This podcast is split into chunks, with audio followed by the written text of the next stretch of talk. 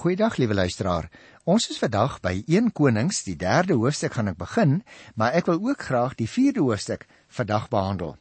Ek gaan daaraan so 'n bietjie minder detail aangee want ons kry daar in hoofstuk 4 'n hele klomp name van die hoofamptenare en sy streekbestuurders wat Salomo in diens gestel het. Maar ek wil baie graag by die eerste gedeelte veral hier by hoofstuk 3 stil staan en die opskrif daarvan is Salomo trou met die farao se dogter. En dan weet ons van die tweede vers af word beskrywe hoe dit hy na Gibeon toe gegaan het om die Here daar te bid om wysheid. Nou wil ek baie graag uh daaroor ietsie sê, uh liewe luisteraar, voordat ek met die perikoop begin, want jy sien sonder wysheid kan 'n koning natuurlik nie suksesvol regeer nie.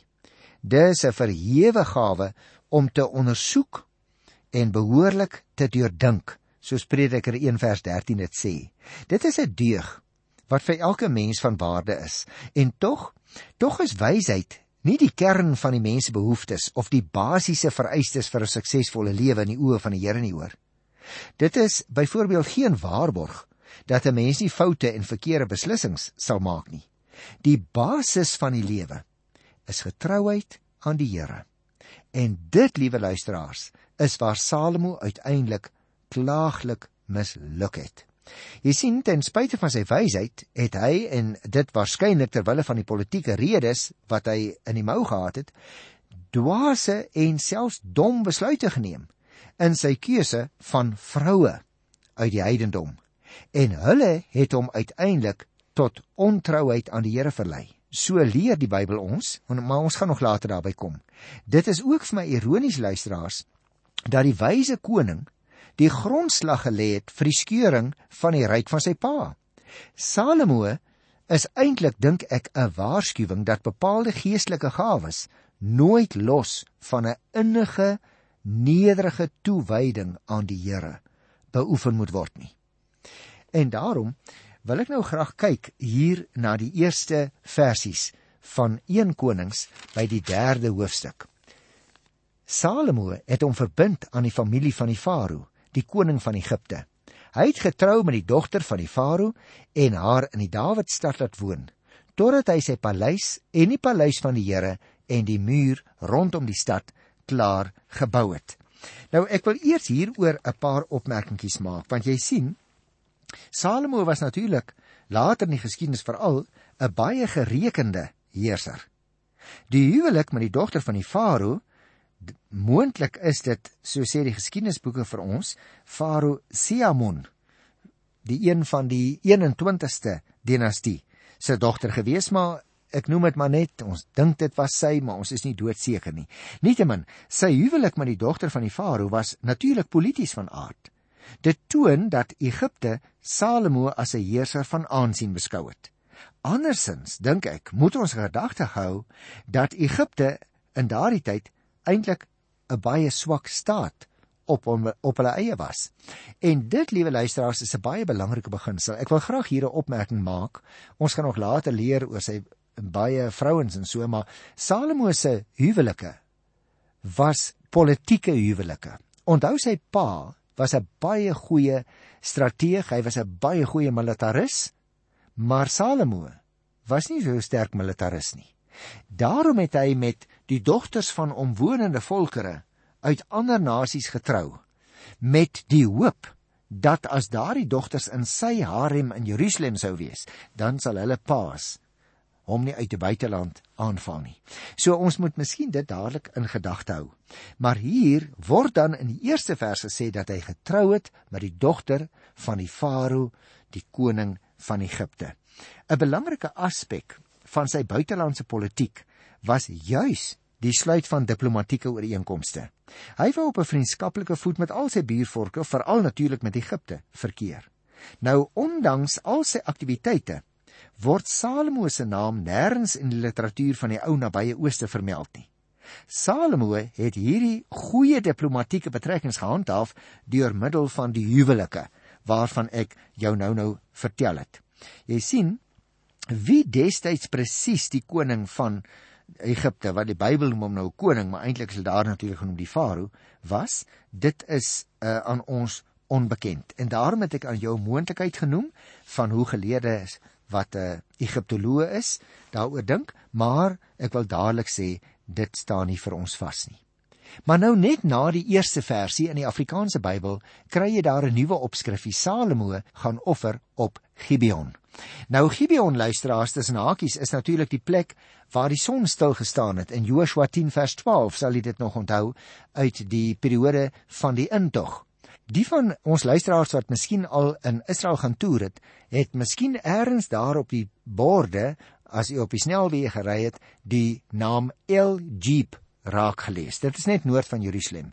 En El Jeep is die nuwe moderne naam vir wat ons in die Bybel ken as Gibeon. Maar ek sê dit maar net so tussen hakies. So kom ons kyk nou na hierdie gedeelte en ek wil dit sommer dadelik as ek dit nou lees, uh so bietjie toepas. Luister na vers 2 en 3. In daardie dae het die volk nog altyd deur op die hoogtes geoffer, omdat daar nog nie 'n tempel vir die naam van die Here opgerig was nie. Salomo het sy liefde vir die Here betoon deur alles te doen wat Dawid sy pa hom voorgeskryf het. Hy het egter nog op die hoogtes gaan offer. Nou amper wil ek vir jou sê as ons nou hierdie prentjie uh, in die in die kop kan kry duidelik, liewe luisteraar, maak jou oë as dit ware so bietjie toe. Teken die prentjie saam met my want vir weke lank stel ek my nou voor, het 10 duisende mense die afgeleë voetpaaie van Palestina stof getrap na Gibeon toe vir die groot geleentheid. 'n Paar dae voor die fees stel ek my voor dat die veewagters begin om die 1000 offerdiere aan te jaag. Diere sonder 'n enkele gebrek uit die beste veekrale van die ryk van destyds. En kort voor die belangrike dag het al die belangrike mense stel ek my voor begin aankom, die bevelhebbers en die regters, elke leiersfiguur en al die familiehoofde. En nou as ons vers 2 en 3 lees, dan wil dit my voorkom asof die Israeliete met hulle intog in die beloofde land sommige Kanaanitiese tempels oorgeneem het en die Here daar begin aanbid het. Op hierdie stadium was dit nog nie gebruik. Maar later in die geskiedenis sou hierdie heiligdomme natuurlik sentra word van afvalligheid. Want toe sou die Israeliete begin om saam met die heidene op die toppe van die heuwels die afgode te aanbid. Maar op hierdie stadium lyk dit vir my het hulle nog gebruik gemaak van ou tempels wat waarskynlik oorgeneem is en waarin hulle dan aanbid. Maar dan, kom ons lees die 4de vers. Koning Salomo het na Gibeon toe gegaan om daar te offer omdat die vernaamste hoogte daar was.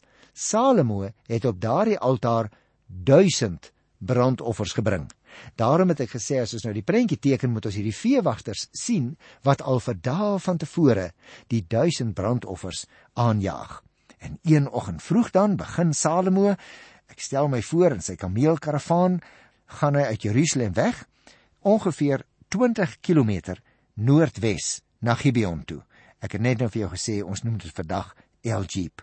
Dit is daar ook waar daar 'n baie groot uh, opgaardam is wat in die kalkklip uitgegrawe is uh, uh later in die tyd uh heel waarskynlik van koning Josia.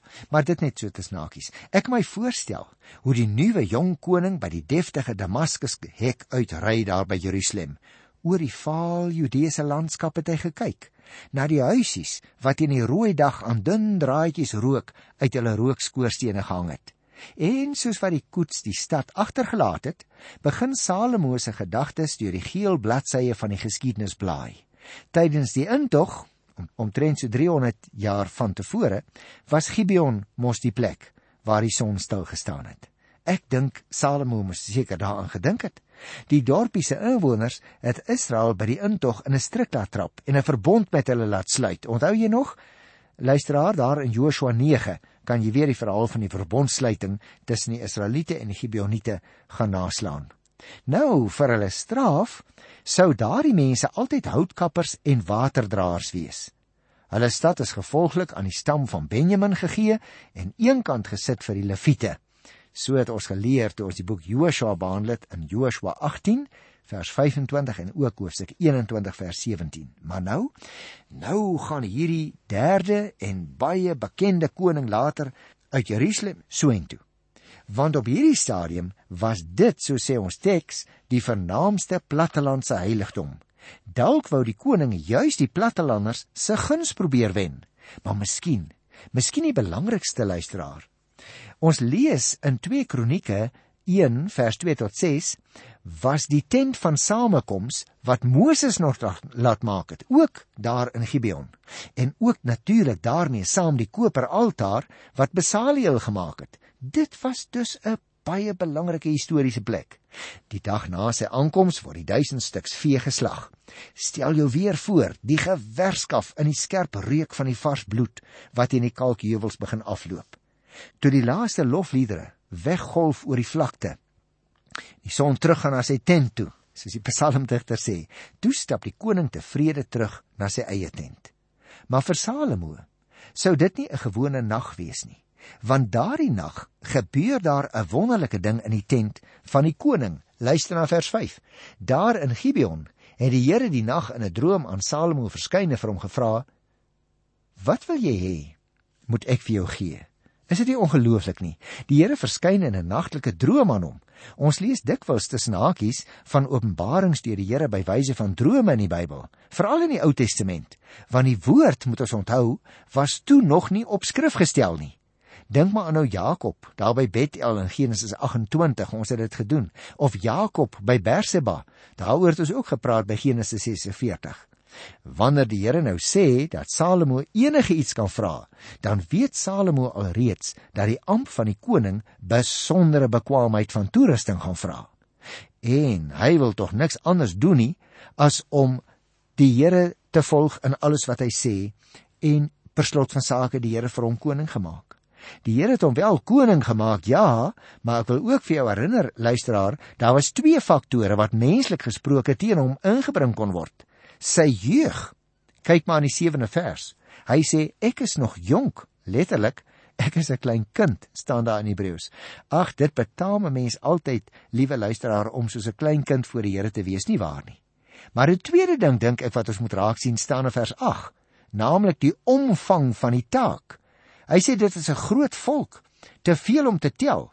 En daarom kom hierdie nuwe jong koning met die groot taak wat voorlê met die versoek in vers 9. Gee my gehoorsaamheid aan U. Letterlik staan daar in Hebreëse taal, Here, gee my hart wat na U luister. Herinner dit jou, mag ek jou vra luisteraar, herinner dit jou ook so bietjie aan Matteus 6:33 dat Salomo ook daarna wil soek dat die koninkryk van God en die wil van God gestalte moet kry in en deur sy hele regering. En dan vers 10 tot 13. Luister 'n bietjie daarna. Die Here het dit goed gevind dat Salomo wysheid gevra het. Hy het vir hom gesê: "Omdat dit jou versoek is en jy nie vir jou 'n lang lewe of rykdom of die dood van jou vyande gevra het nie, maar insig in wat reg is, sal ek aan jou versoek voldoen. Ek gee aan jou wysheid en insig, soos niemand voor jou gehad het of na jou sal hê nie." ook wat jy nie gevra het nie. Is dit nie wonderlik nie? Gee ek aan jou rykdom en aansien sodat daar onder die konings niemand soos jy sal wees solank jy lewe nie. Broers en susters, die Here vind Salomo se versoek om wysheid verstandig en beloof hom veel meer as dit wat hy gevra het. Maar ek wil twee aspekte uitwys in die 14de vers. Ek gaan dit eers lees. As jy jou in jou optrede hou aan my voorskrifte en gebooie, soos jou vader Dawid gedoen het, sal ek jou ook 'n lang lewe gee. Nou, ek dink dit is belangrik dat ons hier sien daar is 'n belofte eerstens van 'n lang lewe, maar tweedens is daar 'n voorwaarde, naamlik dat hy volgens God se voorskrifte en gebooie moes lewe. Nou luister na vers 15. Toe Salomo wakker word, het hy besef dat die Here in 'n droom aan hom verskyn het. Hy is toe terug Jerusalem toe en daar het hy voor die verbondsark van die Here gaan staan en brandoffers en maaltydoffers gebring. Hy het ook 'n feesmaal vir al sy amptenare gegee. Jy sien wanneer die offers in die toewyding verby is, dan gaan Salomo en sy volk terug na Jerusalem toe want sien, selfs die historiese aanbiddingsplek by Gibeon word in heiligheid oortref deur die ark. Daarom gaan hy terug na Jerusalem toe om te wat? Om twee dinge te doen. Eerstens, om in die direkte teenwoordigheid van die Here voor die verbondsak offers te gaan bring. Daar is dus as 'n ware liewe luisteraar 'n stygende lyn in Salomo se manier van aanbidding. Van die gewone hoogtes in vers 3 na die besonder geskiedkundige plek by Gibeon in vers 4 tot uiteindelik by die verbondsark in vers 15 die hoogtepunt die grand finale as dit ware direk in die teenwoordigheid van die Here. Maar die tweede ding wat my opval is dat hy 'n feesmaal vir al sy amptenare gee. Hierdie gemeenskaplike feesmaaltyd was vir die volke 'n illustrasie van die seën wat deur die Here aan die koning gegee is en waarin hulle hopelik ook in die toekoms gaan deel. Ongelukkig luisteraars, ek wil dit net op hierdie stadium noem, het Salomo hom later in sy lewe nie aan die voorwaardes gehou nie. Hy was nie getrou aan die Here soos sy vader Dawid nie. Ek wil vir jou vra, hoe lyk dit met jou lewe? Vra jy wysheid, vra jy leiding, vra jy insig van die Here? En as hy dit vir jou gee, wat maak jy dan? Volg jy dan ook sy leiding? Die tweede afdeling wat ons hier kry in 1 Konings handel oor Salomo se raad aan twee prostituie. Nou dit is ook 'n interessante geskiedenis, liewe luisteraar, hoe dat hierdie twee vrouens kom, ehm um, en hoe dat hulle van hom wysheid kon vra. Ek wil uh so 'n bietjie vinniger hieroor gaan, want ek dink ons ken die verhaal ook almal goed. Die doel van die verhaal waar Salomo raad gee aan die twee prostituie sou ek sê is om te illustreer hoe die gawe van wysheid of insig wat so pas in Gibeon deur die Here aan hom beloof is, 'n werklikheid geword het. Daarom gaan ek nou nie in na elke versie kyk nie, ek wil vir jou die breë lyn van die hoofstuk laat raak sien. Hy gaan na Gibeon, hy vra wysheid, die Here beloof die wysheid en kort daarna kry ons aan hierdie geval van die prostituie. Die feit dat die koning bereid is om aandag te gee aan die probleme van twee sulke laag gesonke persone, toon aan die volk dat hierdie koning aan almal reg sou laat geskied sonder aansiens des persoons. Dit gaan dus ook in hierdie verse van vers 16 af, nie in die eerste plek oor die wysheid wat hy gee nie, maar ons moet dadelik raak sien op die vlak waarop Salomo bereid is om te beweeg op die gewone mense se vlak. Hy gaan nie 'n koning wees wat net op die troon sit nie. En daarom lyk dit vir my luisteraars is hierdie verhaal hier opgeneem om Salomo se wysheid te illustreer in vers 28, maar dit is ook terselfdertyd meesterlik geskrywe en wil Salomo se bekwaamheid as regter op grondvlak vir ons ook beklemtoon. Nou miskien het die geskiedenis van Rispa wat ons 'n vorige keer behandel het in 2 Samuel 21, miskien het daardie geskiedenis van Rispa vir Salomo geleer dat geen opoffering te groot is vir moederliefde nie. En hier het dit nou na vore gekom in die ma se keuse. Of sonder 'n kind wat lewe of sonder 'n kind wat dood is. En die manier waarop die eerste vrou optree, wek regtig deernis by die leser, terwyl die tweede vrou koud selfs onmenslik is as ons na haar kyk. Die verhaal tipeer dus twee soorte mense. Een wat bereid is om te verloor ten einde te laat lewe en 'n ander wat wil wen al beteken dit ook die dood van 'n ander. En dit is dus nie net 'n voorbeeld van ouer liefde nie, ook nie net 'n voorbeeld van wysheid nie, maar ook van alle intermenslike verhoudings is dit 'n baie goeie voorbeeld, dink ek luisteraars. Natuurlik het die koning nie daardeur bewys wie die regte moeder was nie, maar wie van die twee waardig is om 'n moeder te wees. As jy 'n dame is wat na ons program luister, wil ek graag vir jou vra, tree jy ook waardig op volgens die verwagting wat die Here van jou het as vrou met deernis, met liefde wat die ander se belange hoër ag as jouself. Nou luisteraars, ek het gesê ek gaan die 4de hoofstuk net in oorsig behandel omdat ons hier 'n hele klomp name van mense kry. Dit is 1 Konings die 4de hoofstuk. Kom ons begin sommer dadelik met die eerste paar verse. Salomo was koning oor die hele Israel. Sy hoofamptenare was die volgende. Dan word daar nou sekere name gegee. Ek wil net hulle ampte uitlig, luisteraars. Daar was die hoë priester, dan was daar administratiewe beamptes, dan was daar die hoof uitvoerende beampte Josafat en daar was die hoof van die leer Benaja. Daar was daar gewone priesters soos Sadok en Abiatar. Daar was 'n paleisopsigter, Agisar, en so kry ons verskillende name, maar ek wil graag daaroor so in breër verband met jou gesels, uh, want ons gaan tog nie al die name onthou nie. Jy sien, uh, liewe luisteraars, Salomo se ryk was baie goed georganiseer en die toename in hoofamptenare in vergelyking met die van Dawid skep 'n beeld van groot welvaart en van baie baie goeie administrasie. Die lys verwys eintlik so 'n bietjie terug na sommige van Dawid se amptenare en ek dink om daarmee die voortgang van Dawid se bewind te beklemtoon. Met ander woorde, Salomo wou ook sy onderdane laat verstaan, maar ek vervang nie nou die hele personeel in al die staatsdepartemente nie. Ek behou die mense wat in my pa se tyd al aangestel is. Nou, sommige amptenare verraai 'n Egiptiese afkoms as 'n mens na hulle name kyk. En da, dit wil ek spesifiek vir jou uitwys luisteraar, want onthou nou ons het al gelees hoe dat hy met die dogter van die farao van Egipte getrou het. En nou lees ons kort daarna dat dit blyk daar was sekere mense met Egiptiese name waaruit ons die afleiding kan maak. Hy het begin om mense van buitelandse afkoms, veral die Egiptiese vrou vir wie hy skynbaar die liefste van al sy buitelandse vrouens was, veral mense uit haar land van herkoms. Salomo het dus geput uit die eeueoue administratiewe kennis van Egipte op 'n manier. Dis ook belangrik dat ons sal opmerk dat die boek as dit ware begin hier by die 4de hoofstuk om te sê hy het oor die hele Israel geregeer. Maar nou kom ons by 'n ander aspek wat ek graag wil uitwys voordat ek afsluit. Want van vers 7 af kry ons 'n groot klomp name.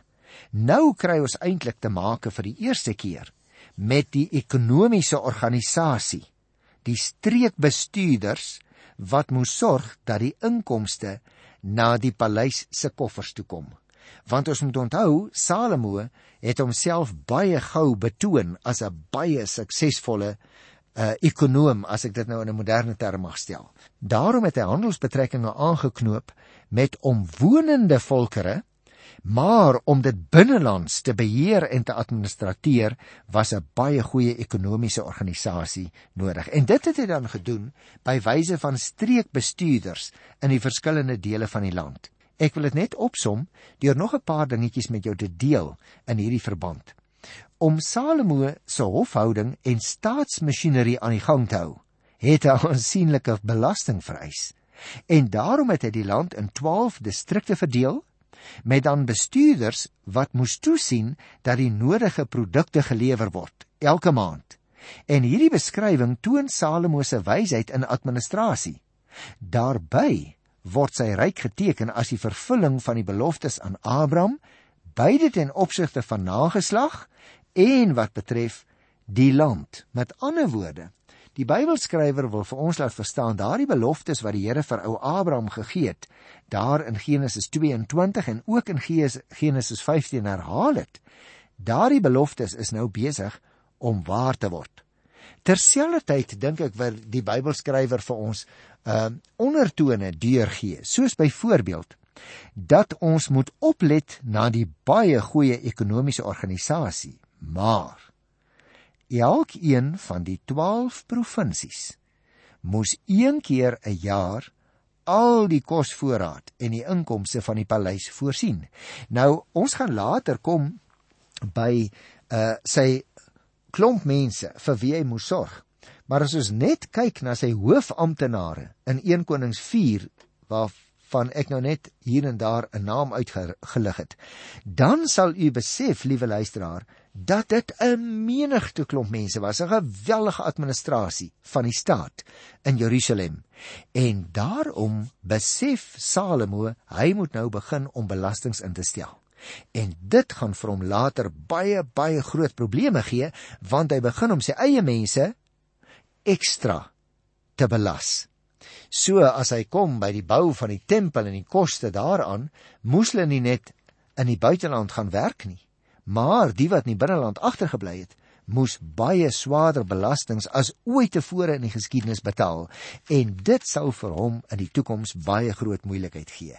Wat ons op hierdie stadium dus van Salomo net moet raak sien, is hy is besig as 'n baie wyse en 'n baie slim man om sy staatsadministrasie tops te kry vir die bestuur van hierdie groot bouwerke, hierdie groot besighede, hierdie groot ondernemings ook wat myne betref. Onthou, hy het selfs later om die waarheid te sê, sy hand geslaan aan skeepvaart en dit is in hakies luisteraars was die enigste tyd in die geskiedenis van oud Israel dat hulle ook bote gehad het. Maar ek gaan nog vir jou daarvan vertel.